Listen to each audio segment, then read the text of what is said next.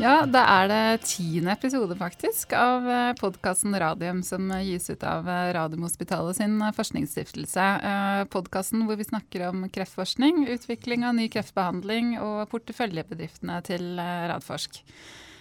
Velkommen i studio, Jonas Einarsson. Takk skal du ha, Elisabeth. Ja, Det er et par uker siden vi har vært her nå.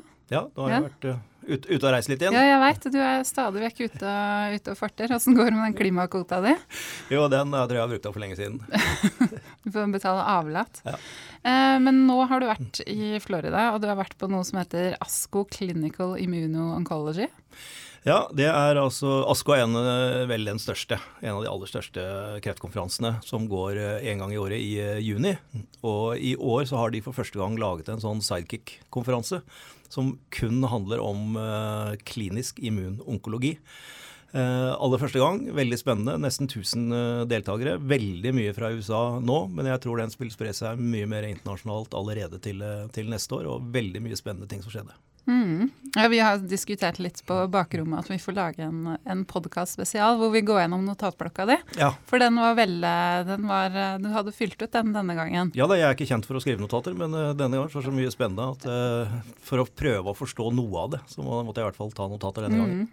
Men det var én ting som du, vi, du, har lyst til at vi skal prate om nå? eller ja, du skal prate om? Det var én ting som opptok meg mye, og det går mest på pasienter mer enn en, en bedrifter og, og, og, grunnforskning som sådan. Og det er bruken av disse checkpoint-inhibitorene. Eh, som vi også har tatt i bruk i eh, Norge i dag. Og nå skal jeg komme inn på et felt hvor våre gjester er spesialister, så jeg blir sikkert fillerista etterpå. Jeg skal prøve å Jeg hadde et lite lurespørsmål på forhånd, så jeg bare sjekka ut litt. Men dette går altså på de pasientene som har eh, lungekreft. Non-small cell lung cancer, og som nå har, får anledning til å få en checkpoint-inhibitor. Men det må tas en prøve på forhånd en biopsi, og så skal de se på et uttrykk av en spesiell sak som heter PD-LN-hemmeren, som da skal si om de tror at dette virker på pasientene. Det som kom fram veldig tydelig på denne konferansen, er noe som bl.a. Steinar Omdal på klinisk forskning her på Ramsdallet har vært veldig tydelig på tidligere, at det er en særdeles upålitelig test. De hadde tatt prøver av mange pasienter på forhånd og sett på forskjellige uttrykk på forskjellige ting som da skal fortelle om det er immunaktivitet. Og de sa stort sett ingenting. Noen få er positive, og det er antagelig fordi at man da ved den biopsien treffer akkurat der hvor det er mest mulig uttrykk av, av denne. Men konklusjonen deres var at det var en veldig dårlig prøve. Eh, I Norge i dag så tar de en sånn prøve. Og hvis den er negativ, så får ikke pasienten den behandlingen. 11 eh, av de som ikke har denne, denne saken uttrykt, vil allikevel uh, få respons, ifølge Steinar Omdal. Og mange andre så får de ikke positiv fordi du ikke treffer på det riktige stedet. Så hadde de da kjørt en studie i Australia som jeg syntes var veldig spennende. Og Da hadde de tatt en sånn prøve på forhånd. Konkluderte med at det var vanskelig å si omtrent noe som helst. Så hadde de gitt én dose av denne medisinen og så hadde de tatt en ny biopsi, jeg tror det var ca. syv dager etterpå. Og da kunne de tydelig skille hvem som responderte og ikke. Så hvis man hadde gjort dette, altså gitt alle som har den diagnosen én dose, og så tatt denne prøven og undersøkt den, så ville du fått en klar beskjed om hvem som responderer eller ikke. Viser denne første studien. Dette må selvfølgelig gjøres i større studier, men det er virkelig en, sånn, den type studie jeg skulle ønske vi kunne gjøre her i Norge. Mm. Ja, for dette er jo da helt avgjørende for hva slags eh, behandling pasientene får, og også da utkommet. Ja, altså det, er, eh, det, er, det, får, stå for eh, mine ord, men mm. i dag så er det pasienter som ville kunne reddet livet med denne medisinen, som ikke får den. Mm. Nettopp. Og da er det jo viktig at det gjøres riktig. Ja. Men dette, dette, sier kanskje også litt om det immunterapifeltet. altså Hvor fort ting går, og hvor lite man vet. at Man på en måte, altså man er fremdeles på forskningsstadiet. Ja, da, altså veldig veldig mye her. Det går, går jo selvfølgelig ut på å gjøre det de kaller for uh, en kald svulst til en varm svulst. Altså gå fra å ikke ha immunrespons inni svulsten til å få det. Fordi da mener man at da virker immunterapi, eller vet at da mm. virker immunterapi uh, mye bedre. Mm. Eh, og så på denne, dette med å finne biomarkører, altså finne ut på forhånd hvilke pasienter som skal respondere. Mm. Der er det lang vei igjen mm. å, å, gå. Det er, skal ikke si De famler i mørket, men det er mange innfallsvinkler, men det er ingen konklusjoner på dette ennå. Så her er det jo bare opp til både forskerne og klinikerne å fortsette, sånn Ja. at man får, eh, får den beste behandlingen. Ja. Mm. Men du, eh, vi har hatt eh, to av selskapene til stiftelsen har hatt kvartalspresentasjoner også. Ja. PCI Biotech og Nordic Nanovektor. Skal vi ta PCI først? Ja, Mm. slik jeg tolker den kvartalsrapporten, så er de i rute. De er i dialog med, med FDA og EMA, altså disse regulatoriske myndighetene, for å se hvordan de skal sette sammen denne studien som forhåpentligvis blir, en, det vi kaller en pivotalstudie, altså en studie som kan føre til registrering. Og Det er veldig spennende for selskapet å se hvor stor denne studien blir, hvilke inklusjonskriterier, hva man skal lese ut av primary, secondary endpoints og alt dette. Eh, Så det, det venter vi på i spenning. Og ifølge, ifølge Per Woldy så, så er de i eh, rute med det. De har også søkt Orphan Drug Designation eh, i USA. De har det i Europa. Det er viktig. Eh, og det de meddelte var da at FDA har problemer med behandlingstidene sine, sånn at dette skal vanligvis ta fire uker, så vi hadde forventa å få svaret på det allerede. Mm. men nå har de sagt at det kan ta inntil 180 dager, altså seks måneder. Det tror jeg det kan se ut som markedet til å begynne med syns var en negativ melding. I mine øyne er det overhodet ikke Nei, det. det har jo ikke noe med PCI å gjøre. Nei, for alt det andre de gjør med å få ferdig fase 2-studien, det går sin gang. Og det er det som er viktig. Og Orphan Drug Designation den kommer når den kommer. Orphan drug, bare sånn for å forklare. Det Det er er- ikke alle som er ja. like inne i dette. Orphan drug det er, brukes på der hvor du har en sjelden kreftsykdom med få pasienter. Og for at industrien skal ville være villig til å satse mye penger på å utvikle legemidler innenfor dette området, så får de en spesialbeskyttelse som er henholdsvis syv og ti år i Europa og USA etter at produktet kommer på markedet. Pluss at de får bedre tilgang til de regulatoriske myndighetene og billigere tilgang og bedre råd. Sånn at dette er for å trigge industrien til også å gå for de små indikasjonene. Og PCI gjør da dette på gallegangskreft, som er en veldig sjelden kreftform. Yeah. Mm. Ok, Så den forsinkelsen, ikke noe med PCI å gjøre. Det er kun at FDA har masse å gjøre, og det Ja. må vi egentlig si er positivt. Og så får de bare ansette masse folk, sånn at det går fortere igjen. Ja, det er man- Mange lurer på om dette har noe med budsjettet i USA å gjøre. At, Ja, de, at de øker dette nå sånn at de får større bevilgninger i budsjettet. Men Ja. det, det er Ja, spekulasjon. men det, det er jo sånn det ofte foregår, Ja. er det ikke det? Jo. Ok, Men Nordic Nanovektor, da? Nordic Nanovektor, eh, all on track eh, der eh, også. De er i gang med den fjerde armen, såkalt 120-armen, altså med større predosering og større dose med, med, med megabecquerel. Venter i spenning på den. Uh, og så fort de resultatene er gode nok, eller nok resultater uh, og data, så vil denne Safety Review Committee møtes uh, og avgjøre om det er 15, 17,5 eller 20 megabecquerel de anbefaler i Paradigm-studien, altså i, i studien som skal starte i andre halvår. Eh, Jeg har tidligere sagt her, tror jeg, at jeg tror at de, de av den avgjørelsen kommer i mars-april. Mm. Og jeg står eh, fortsatt ved det, at alt tyder på at den kommer til å gjøre det.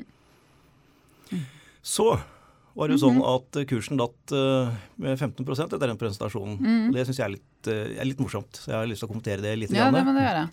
Det var sånn at Luigi Costa, ble, CEO-en der, ble, ble intervjuet av Reuters en ukes tid i forveien. Og kom med en uttalelse. Han ble spurt om eh, det var interesse fra Big Pharma rundt Nordic Nanovektor.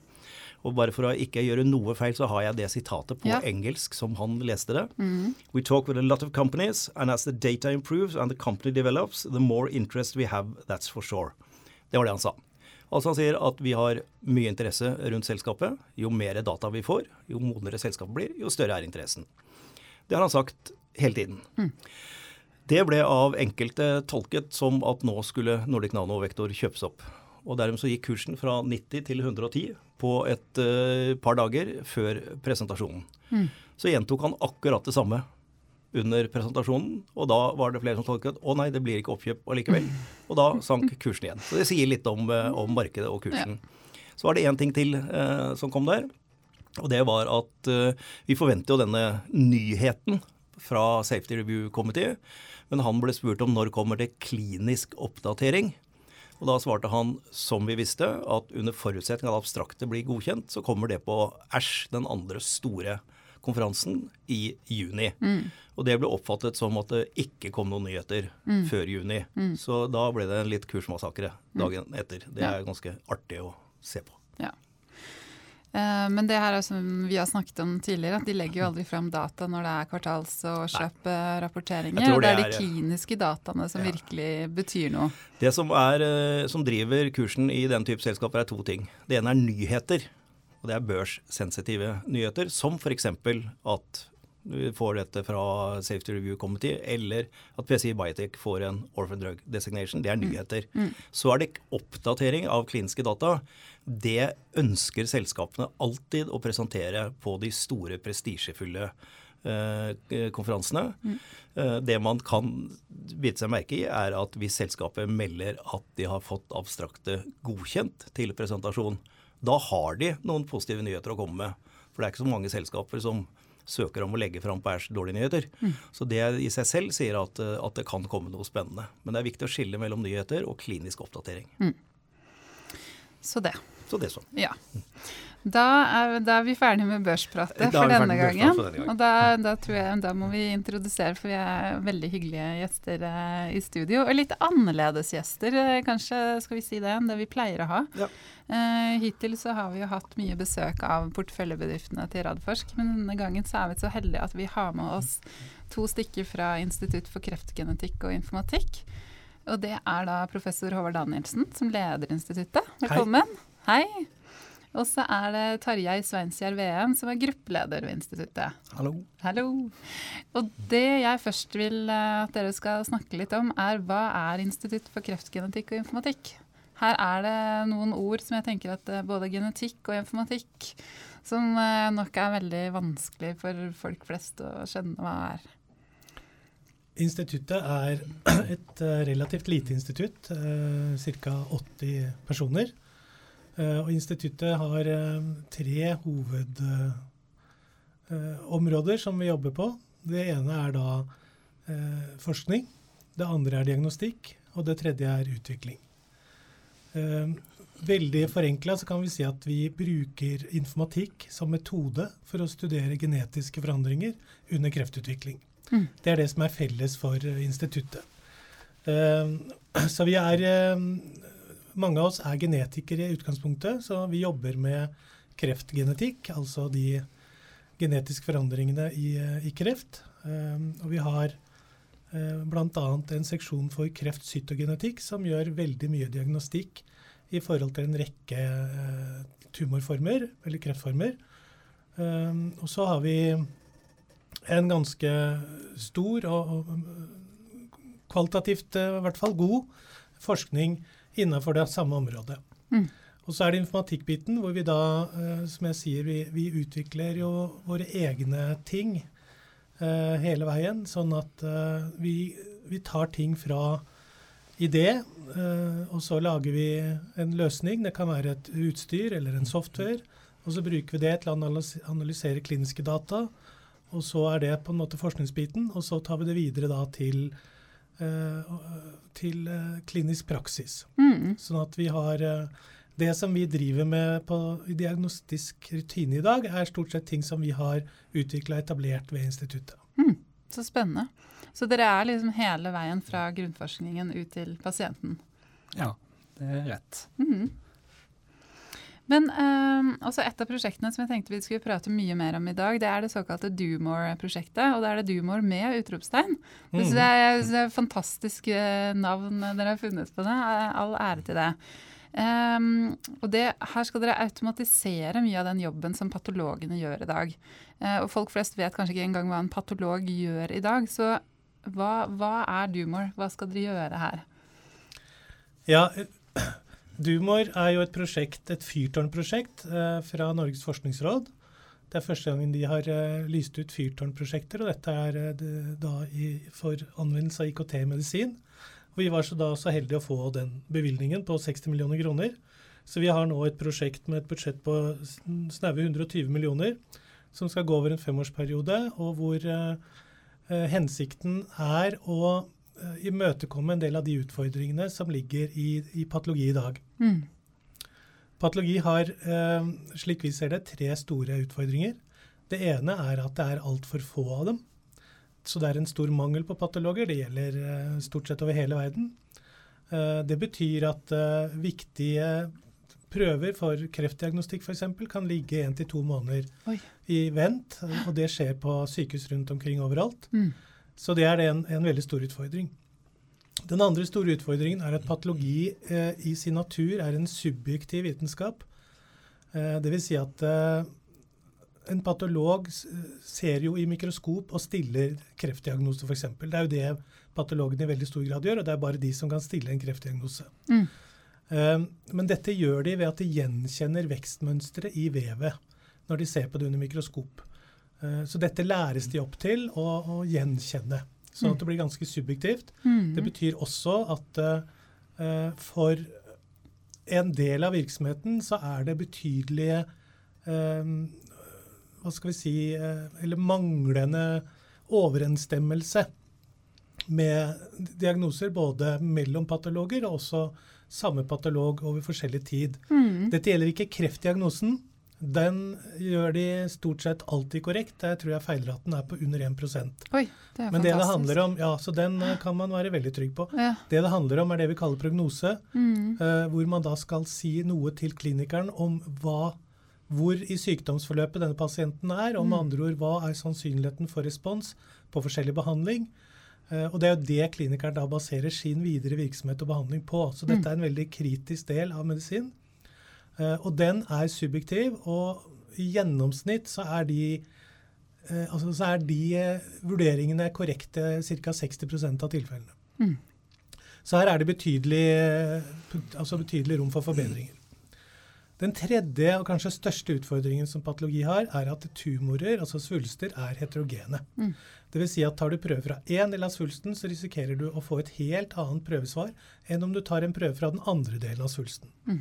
Dette har vi blitt veldig oppmerksom på de siste årene etter at molekylærbiologien har gjort sitt inntog, hvor vi da ser at uh, spesifikke mutasjoner kan være til stede i ett område og ikke et annet område. Det betyr, altså Dette er bl.a. den aller største utfordringen for det vi kaller personalized medicine. Uh, Fordi at det er faktisk større, ofte større variasjon innenfor én tumor hos én pasient enn det er mellom to pasienter. Og da skaper man utfordringer når man tenker at man skal eh, skreddersy behandlingen for den enkelte pasient. Mm. Eh, Så dette er eh, den aller største utfordringen, eh, ikke bare for patologi, men kanskje for eh, store deler av medisin. Eh, Og jeg pleier å tenke litt på det som, om ikke elefanten i rommet, så elefanten i sykehuset. For dette har det vært lite snakk om eh, fram til de siste årene. Mm. Så det er dette vi på forskjellige måter skal prøve å ta tak i i prosjektet. Og da heter det dumor, fordi den eneste måten å håndtere dette på, er å gjøre mer. Mm. Ikke sant? Vi må ha flere prøver av pasientene, vi må ha flere analyser for å være sikre på at vi har funnet den delen, altså at prøvesvaret representerer den delen av tumoren som faktisk er den som er farligst for pasienten. Og derfor så må vi do more, Mm. med utropstegn. Rett og slett. ja, men det er den, den absolutt rette innstillingen. og høres ut som her er det et eh, reelt problem som må, må løses. Men hvordan, hva skal dere da bruke disse 60 millionene til, og hvor starter man? Vi eh, trenger jo veldig masse å, å få laget opp veldig masse data for å gjøre alle disse analysene, og det koster penger. Og vi trenger òg en del folk for å gjøre disse analysene, det koster òg penger. Um, det er viktige utgiftsposter iallfall. Og så, um, så jobber vi med datamaskiner. Da. Vi utvikler metoder som, som eh, gjør disse analysene. Vi både utvikler metoder som, som etteraper patologen og det arbeidet han eller hun gjør, og vi utvikler jo metoder som, som, som opererer helt uavhengig av det arbeidet patologen gjør, som f.eks. finner, finner vekstmønster som, som, som er, er korrelert med utfallet til pasienten, uavhengig av hvordan noen har sett det før. Ja, for det er dette som er overgangen mellom den tidligere analoge, altså det at eh, det er patologen som ser på det i mikroskopet, til det dere kaller for digital patologi, er det ikke det? Er det- Er det det som er overgangen? Jeg tror Ja og nei. Overgangen fra å se på det i mikroskopet til å se på det en skjerm, er det som man kaller digital patologi. Altså okay. at man digitaliserer bildet. Mm. Det vi driver med, foretrekker vi å kalle in silico-patologi. Altså at vi tar patologien inn i datamaskinen. Mm. For det én ting er å digitalisere, sånn som f.eks. radiologi har vært gjort eh, over de siste 20 årene. Ja. Eh, og det er også en prosess som nå pågår eh, fullt ut eh, i patologimiljøene. Men den teknologien som vi faktisk da var med å prototype for over 20 år siden, har ikke foreløpig blitt rulla ut eh, på verdens sykehus. Og det skyldes rett og slett at effekten, eller gevinsten, av bare å få digitalisert bildet eh, er ikke stor nok til å forsvare den investeringen og den forandringen som er i, i produksjon og logistikk. På radiologi var det annerledes, for at der, der kvitta man seg med en masse utgifter når man digitaliserte. I patologi så gjør du ikke det. Okay. Du bare ø du, du, du øker mulighetene, men, men du får ikke noe betydelig kostnadsreduksjon av selve digitaliseringen. Men når datamaskinen kan tas i bruk og gjøre en god del av det arbeidet som patologene gjør, pluss gjøre ting som patologene ikke er i stand til å gjøre, da blir dette en business case. Og det er der vi er i dag. Og det er, det, det er nok det vi fikk penger for, fordi vi har lagd Altså vi, instituttet har jobbet med denne problemstillingen i snart 20 år. Vi har masse resultater, vi har piloter, vi har patenter. eh, vi har også nå innovasjoner gående. Sånn at det vi er finansiert for nå, er rett og slett å ta alle disse forskningsresultatene og få dem over i klinisk praksis. Nettopp. Og Derfor så kaller vi det in silikopatologi, Få, få patologien inn i datamaskinen. Mm. Og, det, og dette her gjør dere da i samarbeid med, med klinikere og kreftforskere? Vi gjør det. Vi har, eh, vi har eh, et hva skal vi kalle det? Vi har et konsortium Mm. som består av eh, totalt ti partnere. Eh, hvorav da Oslo Cancer Cluster er én partner. Eh, I tillegg så er det da Universitetet i Oxford, eh, University, College London, Sykehuset i Vestfold, eh, selvfølgelig Oslo universitetssykehus. Mhm. Um, og så har vi så har vi noen industripartnere. Eh, noen som liker å bli nevnt, og noen som ikke liker å bli nevnt. Sånn er det. Så, så derfor så, for, så kaller jeg dem som regel bare industripartnere. Mm. Men det er store internasjonale, globale selskap. Og så er det også sentrale selskap som f.eks. DIPS i Norge, som jo står for det aller meste av pasientinformasjonsflyten med elektroniske altså EPJ og, og Mm. pasientjournaler. Mm. De er med, har en sentral rolle i dette. Så vi er mange, og så samarbeider vi jo selvfølgelig med hele det kliniske miljøet på sykehuset vårt og de andre sykehusene som jeg refererte til. Mm. Eh, og eh, vi har mange patologer med fra både utland og innland eh, i denne prosessen, så det er et stort prosjekt. Eh, vi har egentlig, Tarjei, vi har vel egentlig aldri telt opp hvor mange som er involvert. Nei, det er ganske mange. Det er store, store tall blir det. Ja. Ja. For dette er da ikke et problem bare i Norge. Dette er et problem over hele verden. ja, det er helt rett. Ja. Ja. Mm, for jeg vil jo tro at vi her i Norge er ganske langt framme når det gjelder den type altså digitalisering av tjenester og Eller både ja og nei, kanskje. Jo, ja, vi er det. Mm. Absolutt. Uh, sånn at uh, Men du kan si at vi, er, vi, har vært, vi har ligget i front lenge når det gjelder utvikling, altså det å bruke teknologien og sånn, men ikke når det gjelder den praktiske anvendelsen. Mm. Eh, patologene og sykehusene i Norge er ikke blant de første til å ta i bruk eh, IKT-teknologi, slik som man for øvrig er i resten av samfunnet. Mm. Norge er tidlig ute på mange områder. Mm. Men uh, vi kan ikke si at Norge er tidlig ute når det gjelder digital teknologi i medisin. Nei, nettopp. Det, det ville være en sterk overdrivelse. Ja. Hva skyldes det, da? Er det budsjetter? Er det Ja, det er nok Vi gjør det eh, sånn som vi pleier å gjøre det, tankegangen Jeg tror nok at eh, det i hovedsak skyldes budsjetter. Mm. At man ikke klarer å finne rom for uh, nyinvesteringer. Mm. Uh, samtidig som alle medisinske felter nærmest eksploderer. ikke sant? Vi har veldig mye god forskning på veldig mange områder. Mm. Uh, vi har, hvert år så kan vi tilby pasientene så mye mer enn i fjor. Eh, og alt det som alltid er flaskehalsen, er jo selvfølgelig hvor mye penger ønsker samfunnet på å bruke Mm. på dette. Mm. Så men det er klart, samtidig så snakker vi ikke her om veldig dyre investeringer, så selvfølgelig er det også en prioritering. Hva er liksom det ultimate målet med, med Dumor? Tja, det, det måtte være å få en, til en sånn en automatisert, en, et, et, et automatisert forløp der, der vi får eh, analysert hele kreftsvulster, eller eventuelt Mm. mm. biopsier, sånn at vi får kartlagt og beskrevet best mulig enhver svulst. med et, et sett metoder som, som, beskriver relevante parametere for, for videre forløp. Mm. Og det er det vi jobber med. Mm. Kan, kan, man tenke seg der eh, at, at uh, hvis du får gjort det, du tar ut en metastase, en, en mindre svulst, og du får gjort en analyse av hele svulsten og ser på hele heterogeniteten, at du kan se at det faktisk kan være forandringer et sted i svulsten som kan respondere på én type behandling, og forandringer et, et, annet sted i svulsten som kan respondere på en annen type behandling, sånn at man da kan begynne å tenke skreddersydd behandling, eller er det litt, litt far-fetched? Nei, det er ikke far-fetched i det hele tatt. Eh, altså Tumorer eller svulster utvikler seg på det vi, altså det vi kaller en darwinistisk evolusjon. Mm. Ikke sant? Man starter med en mutasjon, og så får man flere mutasjoner og flere mutasjoner. Eh, og når tumoren eller svulsten blir oppdaget, så er det allerede en ganske stor grad eller det er en stor grad av heterogenitet. Både genomisk og histologisk og på alle måter. I dag er det jo flere metoder på markedet som har eh, brukbar effekt på enkelte grupper. F.eks pasienter med HER2-mutasjon ikke sant? De mm. kan få en, eh, en, god effekt av en spesialbehandling. Eh, det samme gjelder jo for enkelte andre.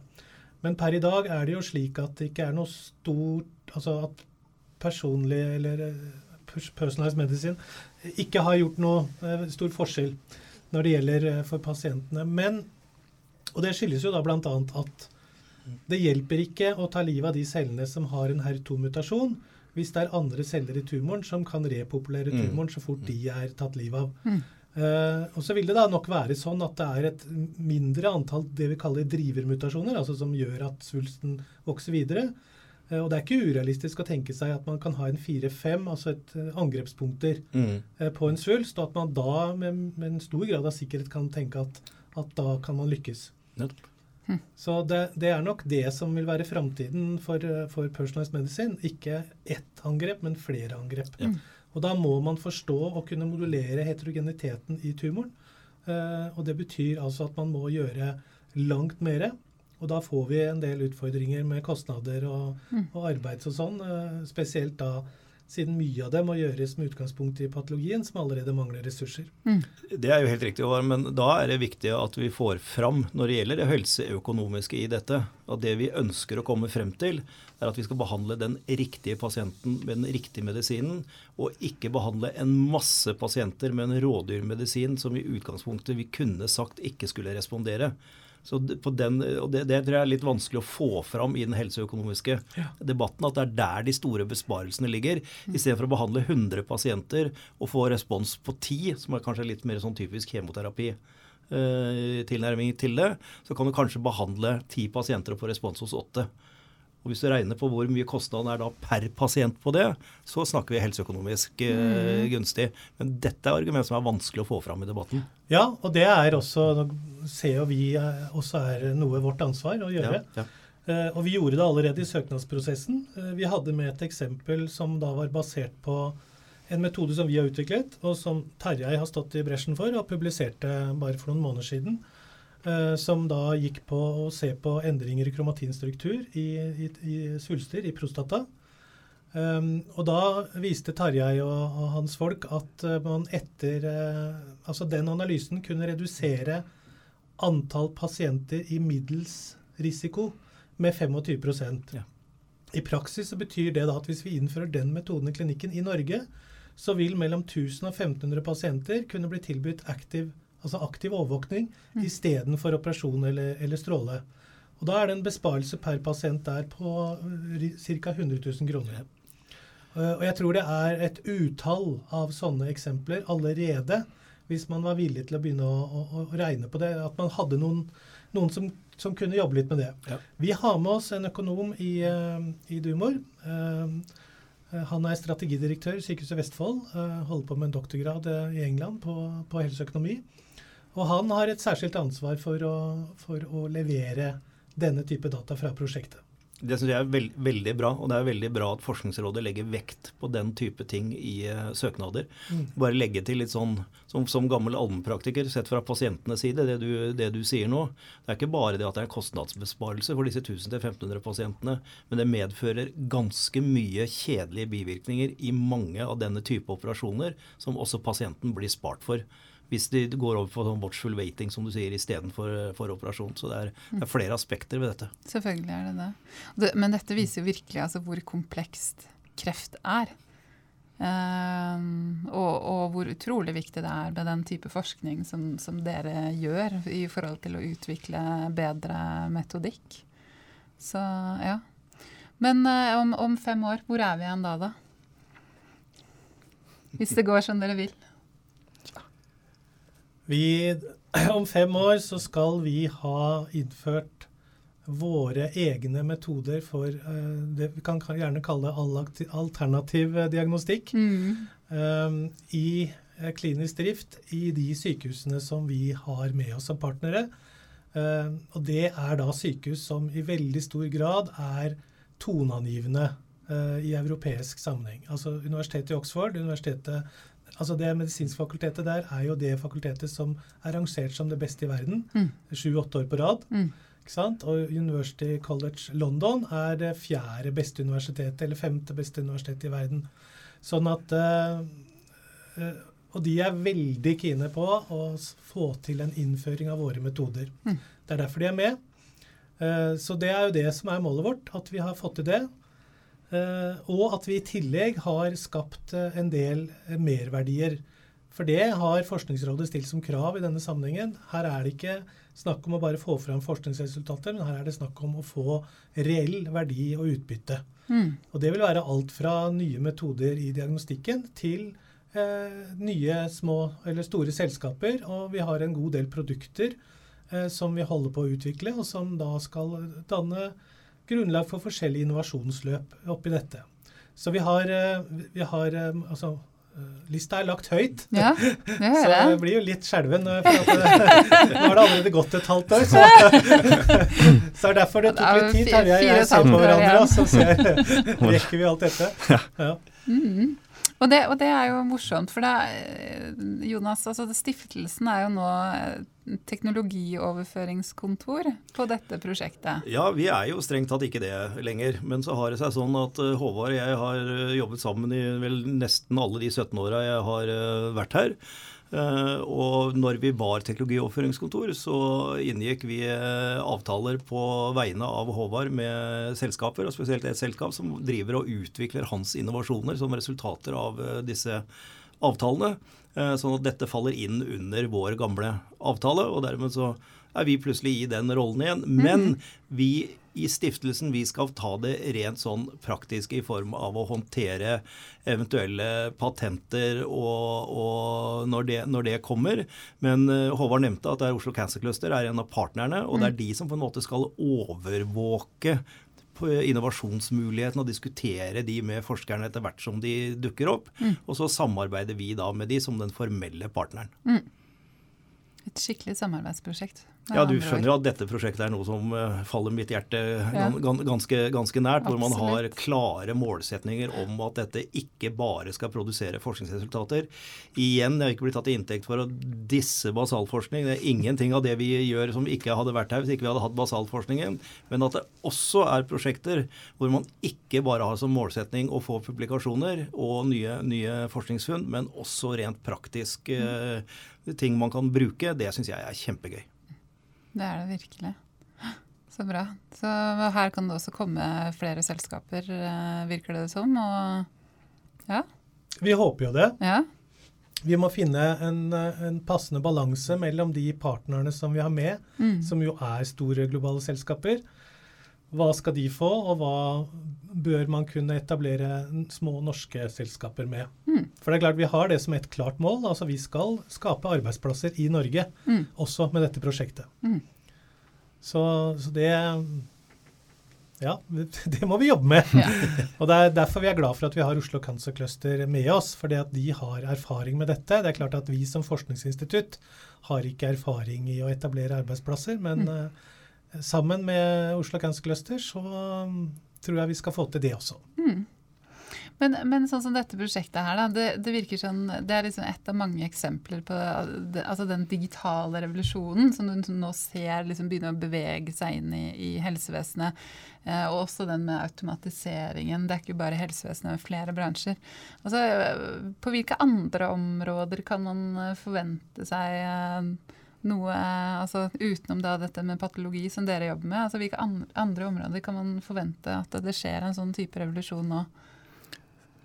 det finnes jo stadig mer data tilgjengelig, og etter hvert nå så kommer det òg en del metodikk som, som er tilpassa håndtering av disse typene data.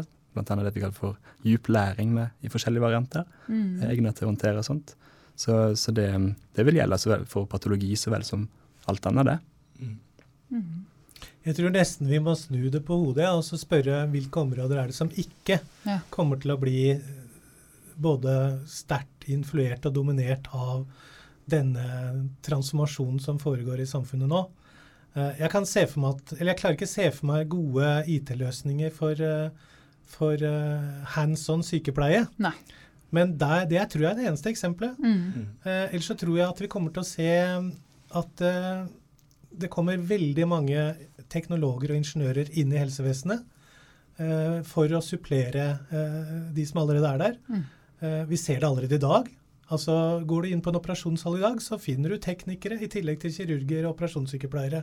Fordi man allerede i dag har så mye avansert teknologisk utstyr. Både for uh, selve operasjonen og inngrepene, men også for å holde liv i pasienten.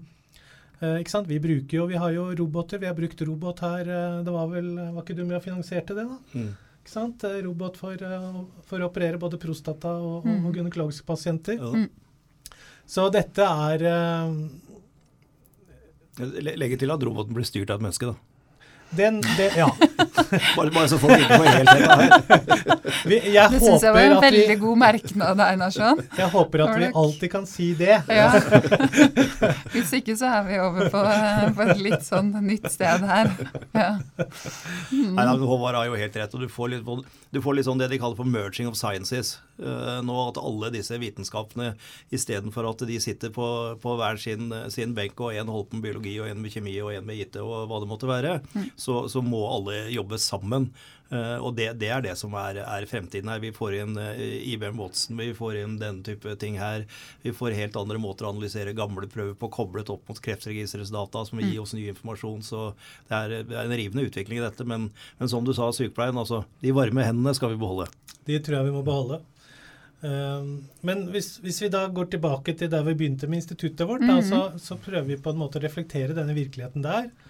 Eh, altså Blant de 80 ansatte så er det bare noen få som har samme utdannelse og samme bakgrunn. Mm. Sånn har, Der har vi alt fra kirurger og onkologer til eh, selvfølgelig datautviklere og alt mulig imellom. Eh, og vi har også 17 forskjellige nasjonaliteter. Mm. sånn at vi legger stor vekt på å ha med mangfoldet hele veien. Vi trenger mangfoldet både i eh, altså, selvfølgelig kjønnsmessig på alle måter. Mm. Uh, for å kunne være med eller ligge i front av den utviklingen som går nå, så må man virkelig tenke på mange ting på en gang. Mm. Uh, og da er mangfold kanskje den aller viktigste enkeltparameteren som vi vektlegger. Mm. Høres ut som en veldig fornuftig og klok tilnærming til å utvikle noe, noe nytt som man, som man virkelig trenger. Einarsson, har du noen siste bevingede ord? Nei, jeg vet ikke om de er så veldig bevingede, men jeg syns at dette her er, et, eh, er, veldig morsomt å få med dette prosjektet. Fordi det vi ofte snakker om, er på en måte selskapene våre. Mm. Men da har vi altså relativt mange år med forskning bak det, og folk som tenker som, som eh, Håvard og instituttet. Tenker litt nytt, tenker anvendt. Eh, og det er det som ligger til grunn før vi kommer fram til, eh, til, til et selskap. Så dette viser liksom litt sånn de miljøene Dette er ett av miljøene som skaper de verdiene som vi er med på å utvikle. Mm. Og som du vet så skal vi ha 30-årsjubileum for Radforsk nå om eh, noen uker. Og det vi vinkler på er nettopp forskerne. Og de som har tenkt translasjonsforskning. Det er de som er heltene i dette bildet. Mm. Det er det virkelig. Og jeg må bare si jeg gleder meg til å ha dere tilbake i podkasten her om, om, fem år. Ja, jeg, jeg vet ikke om vi gleder oss, men vi skal i hvert fall komme. Nå er vi invitert. 2. mars i hvilket år blir det da? Jeg klarer ikke å telle engang. 2022. 21 hvert 21. Ja. ja. Men da ses vi igjen da, da. Ok. Ja, På gjensyn. Takk. Takk.